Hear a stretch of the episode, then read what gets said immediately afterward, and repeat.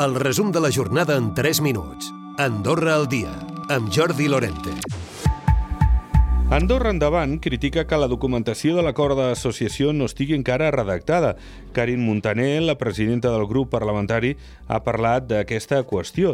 Explica la negativa del govern quan li van demanar la nova documentació i la falta d'alguns annexos. Tilla d'incomprensible que un acord com aquest encara no estigui acabat de redactar. L'Andrés va dir, bueno, ja ho tindrem redactat potser cap al mes de març el que falta. I clar, ja nosaltres, per nosaltres és ciència-ficció. Això no és tancar un acord. Clar, és tancar l'acord, què? De paraula. Però el que compten són els escrits, les paraules ja se'ls emporta el vent.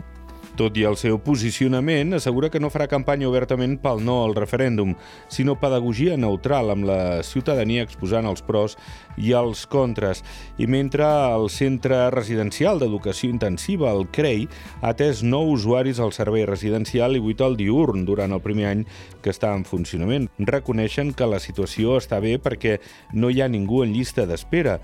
Les instal·lacions tenen capacitat per a 19 persones al servei residencial i 16 al diurn.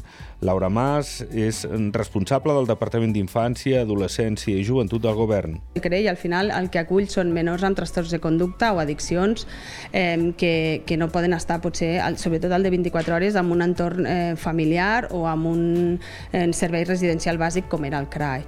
Llavors pensem que anteriorment, abans de, de que hi hagués el CREI, eh, aquests menors havien de ser derivats a, a, a fora, a d'Andorra, i, i el fet de que hi hagi el crell eh, fa que podem, els podem tindre aquí a Andorra i a part eh, podem fer un millor seguiment tant del menor com de la família. I la justícia haurà de fer front en dos anys a la manca de magistrats a causa de les jubilacions previstes. Serà un punt en contra de l'objectiu de disposar de magistrats andorrans, com era l'intenció. S'hi ha referit al president del Consell Superior de la Justícia, Josep Maria Rossell. Això no vol dir que en alguns casos específics, vistes les recusacions que tenim, doncs es pugui fer i s'haurà de buscar alguna altra alternativa. Per tant, en aquells supòsits en els quals doncs, no es pugui completar sales perquè hi ha recusacions o perquè està contaminat d'alguna d'alguna manera algun dels balles o els magistrats s'haurà de buscar una alternativa i aquesta és la nostra responsabilitat com a Consell Superior de la Justícia el que hem de fer és buscar alternatives. L'advocat de la veïna d'Escaldes en Gordany, que la propietat pretén desnonar d'un pis, ha estat protagonista a l'Avui serà un bon dia, ha debatut al voltant d'aquesta qüestió i ha explicat punt per punt la situació de la seva defensada. Pere Cristòfol.